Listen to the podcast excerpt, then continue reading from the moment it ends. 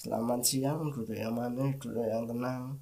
Boleh sambil minum teh boleh sambil minum kopi boleh sambil minum susu juga. Terserah lo mau ngapain. Mau tiduran juga boleh karena tiduran itu mantap. Enak sekali. Mau minum obat juga boleh kalau lo lagi nggak sehat. Mau mau makan terus juga boleh untuk hiburan lo. Mau nonton YouTube itu terserah lo karena mungkin lo lagi stres atau semacamnya ya terserah lu karena dunia emang sedang tidak baik-baik saja. Seperti yang selalu Bang Andri katakan di Lunatic Podcast atau di konten YouTube-nya TNM dan kata-kata itu selalu gue gunain. Bukan selalu sih kadang-kadang gue gunain untuk di podcast episode-episode dulu. Episode-episode lampau. Dan kadang-kala kata-kata tersebut juga gue ucapin ke teman-teman gue yang baru lulus dari kuliah. Entah itu si, baru sidang skripsinya entah itu emang udah wisuda pasti gue. Hampir semua gue ucapin itu. Karena gini loh ternyata dunia kuliah dan dunia nyata itu sangat berbeda jauh. Ketika kita berada di dunia kuliah gue merasa atau kita semua merasa ah gue pengen segera lulus ah biar kerja biar nggak skripsian atau semacamnya. Tapi setelah skri skripsian selesai ternyata kita merasa lebih tertolong bukan tertolong sih merasa lebih nyaman di dunia kuliah walaupun seperti itu adanya. Walaupun banyak-banyak walaupun banyak tugas banyak uh, omelan dari dosen atau semacamnya itu ternyata lebih memanusiakan kita daripada dunia nyata.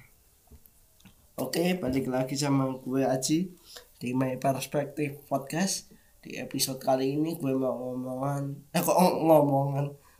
Gue mau ngomongin tentang sosmed lagi lanjutan episode kemarin bagian kedua part kedua.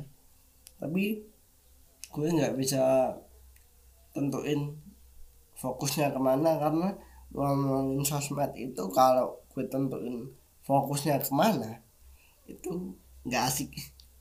Dan gue rasa pembahasannya bakalan dikit tapi mungkin episode kali ini bakalan gue awalin ngomongin tentang resiko penipuan di sosmed. Karena akhir-akhir ini juga sering kan banyak orang yang ketipu apalagi masa pandemi kayak gini gitu loh. Apalagi online online shop atau semacamnya. Itu kan tetap ada pengaruh dari sosmed internet dan yang lainnya. Ya walaupun gue juga pernah ngalamin juga sih. Di sisi lain gue pernah ngalamin soal penipuan itu di puasa puasa ya Allah puasa puasa kemarin. Ramadan kemarin gue sempat ditipu soal lengkapnya gimana. Ada di episode tanggal 15 April kalau enggak 16 April gue lupa pokoknya antara itu. Karena hari itu gue ditipu hari itu juga gue record dan gue publish ke apa podcast. Jadi gini kita semua mungkin sepakat bahwa fungsi sosmed itu sebenarnya ada tiga. Yang pertama untuk hiburan yang kedua untuk eksistensi seseorang atau atau orang-orang yang pakai sosmed itu pengen eksis gitu pengen dikenal. Dan yang ketiga pengen apa pencitraan. Membuat citra yang baik. Memunculkan sebuah citra bahwa dirinya itu oh kesannya seperti ini kesannya seperti ini dan itu manusiawi sekali ketika seseorang ingin dirinya dilihat baik atau semacamnya penjahat sekalipun seperti itu. Bahkan koruptor mungkin juga masih eh, ada rasa seperti itu. Tapi apakah mereka pantas disebut manusia? Udah udah itu pertanyaan disimpan aja. Jawabannya di hati lu masing-masing apakah mereka masih cocok di, disebut sebagai itu? Gue nggak mau itu nggak mau perpanjang ini. Soalnya hidup gue bakalan bahaya. Oke. Jadi sosmed itu fungsinya ada tiga. Seperti yang gue omongin tadi yaitu hiburan eksistensi dan dan pencitraan. Yang pertama kalau lo gunain sosmed buat hiburan masa akan ada masalah yang timbul tapi nggak nggak terlalu signifikan nggak terlalu besar. Karena kemungkinan masalah yang lo rasakan atau yang lo alami ketika lo gunain sosmed untuk hiburan semata mungkin di masalah waktu penggunaan ya. Kadang kala lo kan bisa menghabiskan waktu berjam-jam untuk mencari hiburan untuk scroll scroll foto orang untuk uh, mencari kebahagiaan. Yang mana ketika lo lihat itu ya ya sebenarnya kondisi lo ya nggak berubah gitu-gitu aja. Masalah kita di sosmed itu kebanyakan kalau konteksnya untuk hiburan biasanya di situ. Waktu penggunaan yang berlebih. Terus pasti lu bakalan nanya ke gue bang lu gimana? Apakah udah udah apa? Udah bisa kontrol waktunya? Udah nggak berlebih lagi? Ya jelas lah belum. Gue itu masih bego kalau pakai sosmed di masalah waktu tuh kadang gue bener-bener over karena kadang kala gue gunain waktu istirahat gue waktu belajar gue buat mainan sosmed. Dan itu secara psikologis memang asik tapi secara kesehatan tidak sehat. Walaupun secara psikologis asik tapi di sisi lain itu membuat psikologis di diri lu semakin malas juga semakin berpikiran oh gini aja nanti aja nanti aja. Seperti yang selalu dikatakan Squidward kenapa kamu lakukan kenapa kamu melakukannya hari ini? Kalau kau bisa melakukannya besok. Yang mana itu kan semboyannya orang malas kebanyakan. Dan itu yang terjadi yang terjadi sama gue. Dan itu belum gue temuin solusinya. Mungkin ada ada saran. Di sisi lain kan itu buat buat membun membunuh kejenuhan gue. Ketika gue masih nganggur kayak gini iya gue sering bantuin temen skripsian tapi kan itu nggak tiap hari. Jadi ya gitu ketika ada waktu luang malah gue gunain untuk melampiaskan diri. Wah gue mau hiburan yang mana itu gila sebenarnya. Terus fungsi yang kedua eksistensi. Eksistensi ini sebenarnya ada mikro sama makro. Mikronya sebenarnya lu cuma mau nunjukin kalau gue gue ada lo gue lagi lagi ini loh gue lagi gitu. Nah itu itu mikronya. Tapi kalau sosmed digunain buat eksistensi dalam pengertian makro biasanya lu gunain itu untuk uh, sarana lu kerja. Untuk lu jadi selebgram atau semacamnya. Beda sama online shop. Online shop itu yang kelihatan cuma barangnya doang orangnya enggak. Tapi eksistensi makro yang gue omongin di sini konteksnya adalah lu pengen pengen jadi selebgram youtuber atau semacamnya lu bisa katakan dengan istilah-istilah itu. Atau tiktoker seleb tiktok selebgram youtuber atau semacamnya lah. Atau uh, streamer lah atau apalah. Podcaster ya enggak ya? Podcaster mungkin iya dan enggak podcaster kayak gue ya belum. Karena gue belum ada sponsor. Gue cuma buat hobi doang. Tapi ketika itu ada sponsor gue takutnya jadi ya itu. Jadi tuntutan kerja dan nggak sebebas sekarang. Ya walaupun tetap gue batasi yang gue omongin tuh apaan. Tapi ketika eh balik lagi. Ketika lo menggunakan sosmed ini sebagai media lo untuk terkenal untuk menjadi selebgram atau semacamnya. Di sisi lain itu menimbulkan resiko yang bahaya buat lo mungkin ada orang yang mengatasnamakan diri lo untuk menipu orang lain atau lo malah ditipu sama brand yang belum tentu jelas brand-brand yang sebenarnya nggak terkenal terkenal amat. Tapi ada oknum di dalamnya yang mau nipu lu itu kan juga bisa. Jadi kalau lo gunain sosmed buat eksistensi itu bagus sih untuk jadi terkenal untuk cari uang. Tapi di sisi lain ya itu resikonya lo bisa ditipu atau orang lain menipu atas nama lo dan itu lo yang bakalan repot sendiri.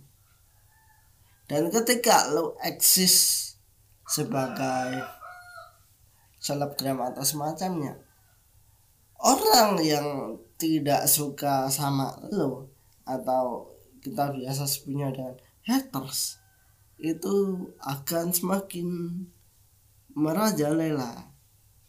Karena ketika lo terkenal dan jadi influencer jadi apa motivator atau semacamnya pasti ada aja deh orang yang nggak suka sama lo.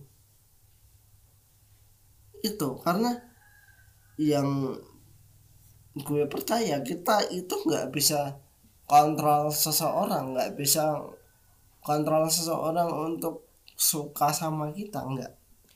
Orang suka sama kita ya itu karena mereka suka. Mereka suka sama konten lu mereka suka sama pribadi lu atau semacamnya. Emang dasarnya mereka suka. Tapi di sisi lain ada orang yang nggak suka sama lu entah menganggap lu sombong entah menganggap lu jelek semacamnya. Karena kadang-kala ada orang yang nggak suka sama kita.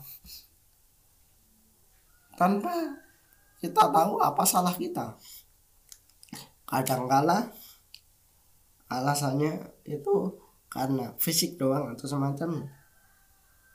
Ya menurut gue itu nggak masuk akal sih kalau kalau alasannya itu. Tapi kalau alasannya menurut dia lu sombong atau semacamnya dia well gue nggak gue nggak bilang kalau membenci orang itu baik enggak membenci orang itu tetap nggak baik.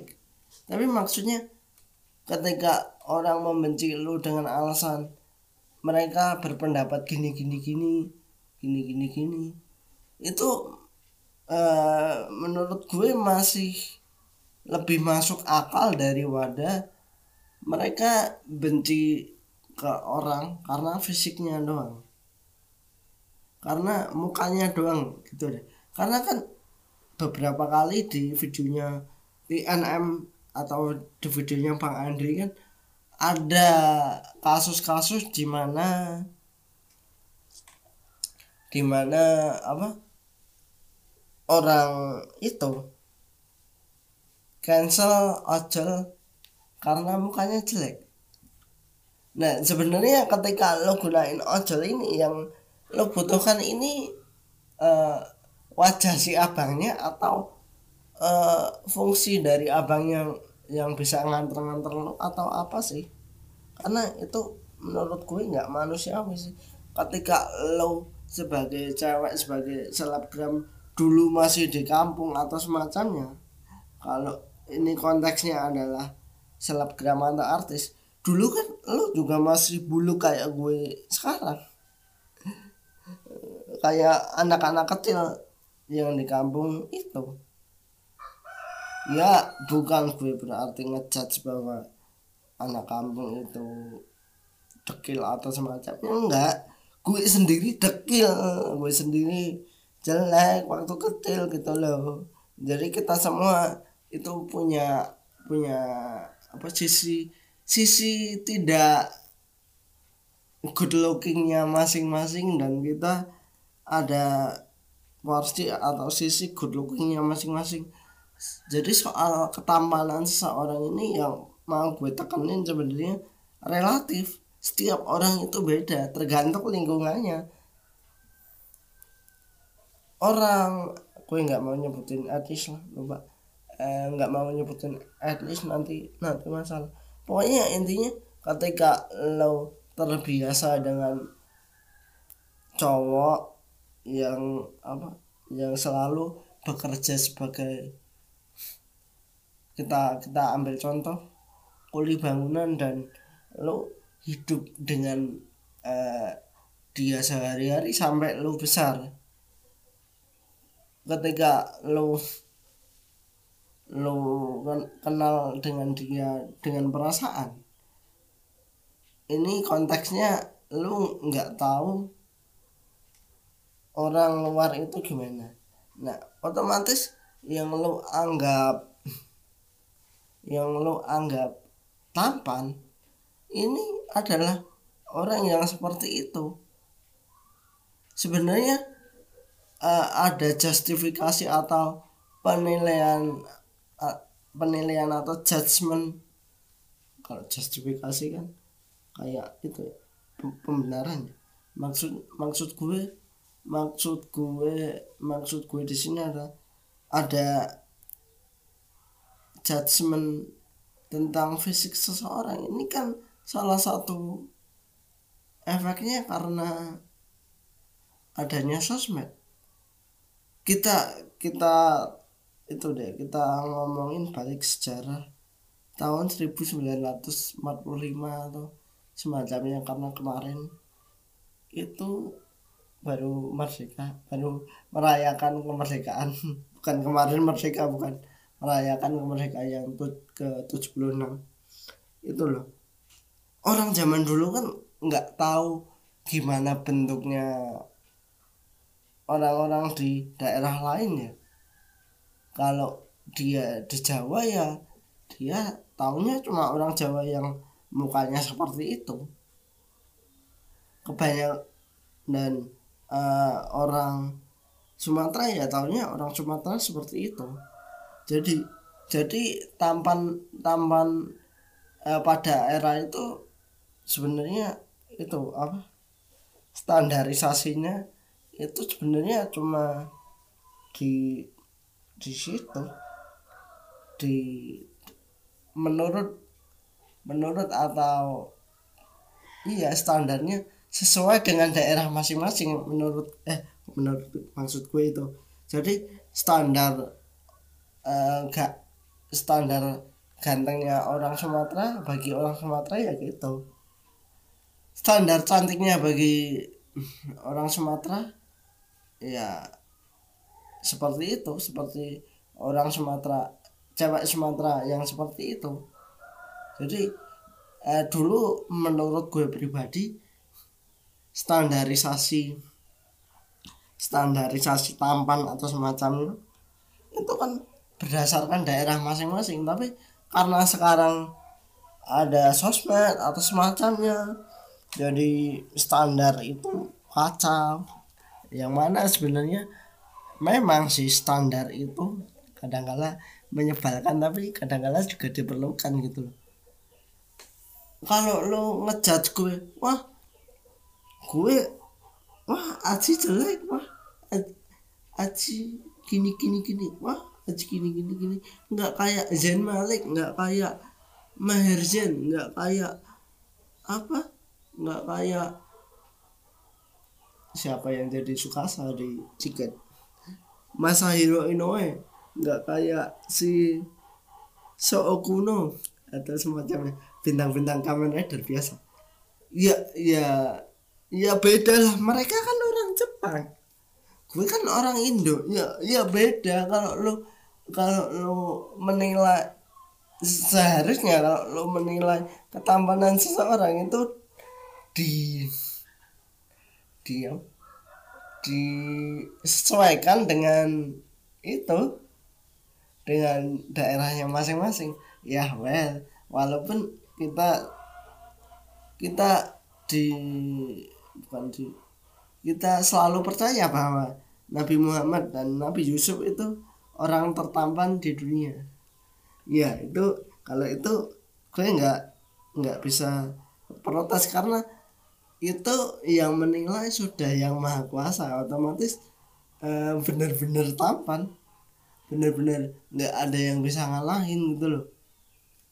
Tapi kalau orang zaman sekarang lo nilai tampan atau cantik kan sebenarnya itu uh, sebenarnya menurut seharusnya idealnya itu menurut daerah masing-masing. Tapi itu emang nggak bisa sih karena ya itu tadi ketika medsos muncul maka batas-batas dunia itu hilang. Jadi tampan menurut A menurut B menurut C adalah standar orang Korea. Menurut DEF orang Korea dan orang Jepang. Dan ketika dia menilai temennya itu kadang-kala ya karena standar itu. Gue gue nggak gue nggak bisa semerta-merta menyalahkan mereka juga sih karena ketika sosmed ini kan batas-batas dunia hilang. Jadi gini loh orang tahu budaya Jawa atau bisa budaya Jawa umumnya karena dia orang Jawa. Tapi mungkin ada juga orang luar negeri yang tahu budaya Jawa atau bisa budaya Jawa karena mereka tahu dari sosmed. Iya sih uh, orang orang luar negeri ini tetap nggak bisa sesempurna orang yang berinteraksi di budaya tersebut secara langsung karena walaupun walaupun ada sosmed ketika kita ngomongin soal budaya yang penting sebenarnya adalah pertemuannya pergaulannya secara offline bukan online. Gitu. Jadi menurut gue ya itu masalah masalah di sosmed yang ada sekarang sebenarnya resiko untuk penipuan atau menipu atas nama lo dan yang kedua batas-batas dunia itu di mana? Standar standar yang dipercaya dunia itu yang mana? Jadi sekarang itu masalahnya adalah ada beragam standarisasi dan yang lainnya. Itu masalahnya eh, balik lagi ngomongin soal apa? Penipuan tadi baru inget deh. Tadi kok jadi random? Ya udah nggak apa jadi eh, tadi gue iseng-iseng buka apa? Buka email gue yang lama yang udah lama nggak gue pakai. Tiba-tiba ada sebuah email yang mana uh, in, email itu menginformasikan bahwa harga yang harus gue bayarkan untuk karena membeli barang tersebut itu 400 ribuan. Yang gue heran itu yang beli siapa? Gue itu nggak gue nggak beli. Tiba-tiba email itu ada aja di email gue yang lama. Padahal email gue itu udah nggak gue gunain selama setahun kayaknya. Dan itu email itu tiba-tiba ada. Dan yang gue harapin udah uh, jangan sampai tiba-tiba ada deko debt kolektor yang datang ke rumah gue gara-gara hal tersebut. Karena emang email tersebut nggak gue gunain selama hampir selama setahun ini email tersebut. Dan ngomong-ngomong gue punya punya punya tujuh email sebenarnya. Dan yang gue gunain cuma tiga. Nah gue gue tadi iseng buka salah satu dari email yang lainnya. Dan itu tiba-tiba ada email soal informasi bahwa harga yang harus gue bayar adalah sekian. Dan ini dari toko olahraga atau semacamnya dan kayaknya itu luar negeri deh. Dan gue merasa nggak beli apa pun. Dan itu ya. Yang gue pertanyakan adalah siapa yang gunain email itu? Padahal email itu adalah email kedua gue. Email kedua gue sejak SMP jadi tujuh tujuh email gue ini enggak itu ya enggak gue buat sekaligus ya tapi bertahap. Ada yang gue buat itu pas SMP ada yang gue buat itu pas SMA dan yang gue gunain sekarang sebenarnya itu email ya email sejak gue kuliah. Jadi ya ya itu. Gue gue cuma berharap aja nggak nggak nggak ada yang aneh-aneh. Yang mengatasnamakan gue. Ini contoh contoh kecil karena apa dampak dari medsos ya. Email yang lama nggak gue gunain aja tiba-tiba ada email pembelian ini dan yang harus dibayar ini. Padahal gue nggak gue nggak ngerasa beli itu tuh loh. Jadi siapa yang beli? Jadi uh, uh, pesan gue sebenarnya kalau ada apa-apa di sosmed itu segera ditindaklanjuti deh. atau mungkin lo yang lagi main sosmed itu hati-hati deh. Jangan selalu berikan data diri lu ke sembarang orang atau ke sembarang website. Karena kadang-kala uh, website itu sifatnya sebenarnya dari hacker doang phishing. Uh, mereka cuma mau menghimpun data lu biar bisa digunakan buat pinjol atau semacamnya. Dan yang ini tadi yang gue omongin tadi soal ada email check out atau semacamnya gue gue nggak paham. Karena di email tersebut eh, bertanggal 18 Juni 2021 sementara gue buka email yang ini itu jarang banget. Bahkan terakhir gue buka itu Mei dan ini tadi cuma iseng buka lagi. Dan ternyata ada ini. Jadi hati-hati aja. Buat yang tahu apa yang harus gue lakukan ya bisa lo bisa DM gue untuk untuk mengantisipasi apa ah, masalah ini berlanjut apa enggak. Karena karena ya itu gue nggak tahu. Gue nggak tahu uh, email email tersebut tuh bakalan uh, ngasih efek apa ke gue. Karena jujur email email ini itu nggak nggak gue pakai. Kalau lo saranin ke gue im, akun emailnya dihapus aja bang.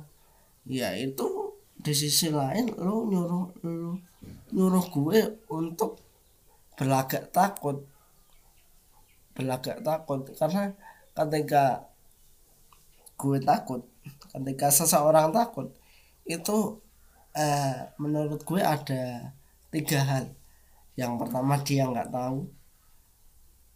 Karena dia nggak tahu akhirnya dia ketakutan. Atau kedua dia merasa bersalah. Eh, dia takut.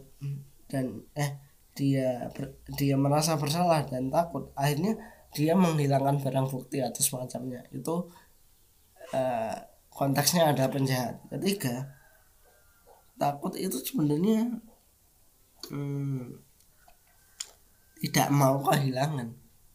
Konteksnya ketika orang lain itu kehilangan sesuatu dan menangis sebenarnya dia itu merasa gue nggak mau merasakan hal ini gue itu sedih gue takut gue takut kehilangan lo yang mana kalau itu konteksnya percintaan itu gue blok men menurut gue ya ya gimana ya?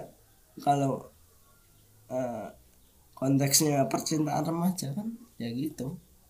Ya lo tau lah gimana. Oke mungkin sekian dulu podcast dari gue pesen gue tetap hati-hati untuk apa untuk pakai medsos atau semacamnya dan sampai jumpa di podcast selanjutnya. Semoga kita bisa ketemu lagi di podcast selanjutnya. Terima kasih